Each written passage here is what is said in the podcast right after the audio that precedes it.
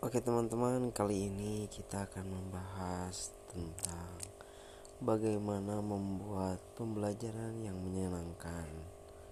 agar kita tidak bosan dengan pembelajaran yang kita dapatkan di sekolah. Yang pertama, kita harus mendapatkan ruang ataupun tempat yang enak untuk digunakan bisa saja ditambah dengan musik-musik mungkin yang suka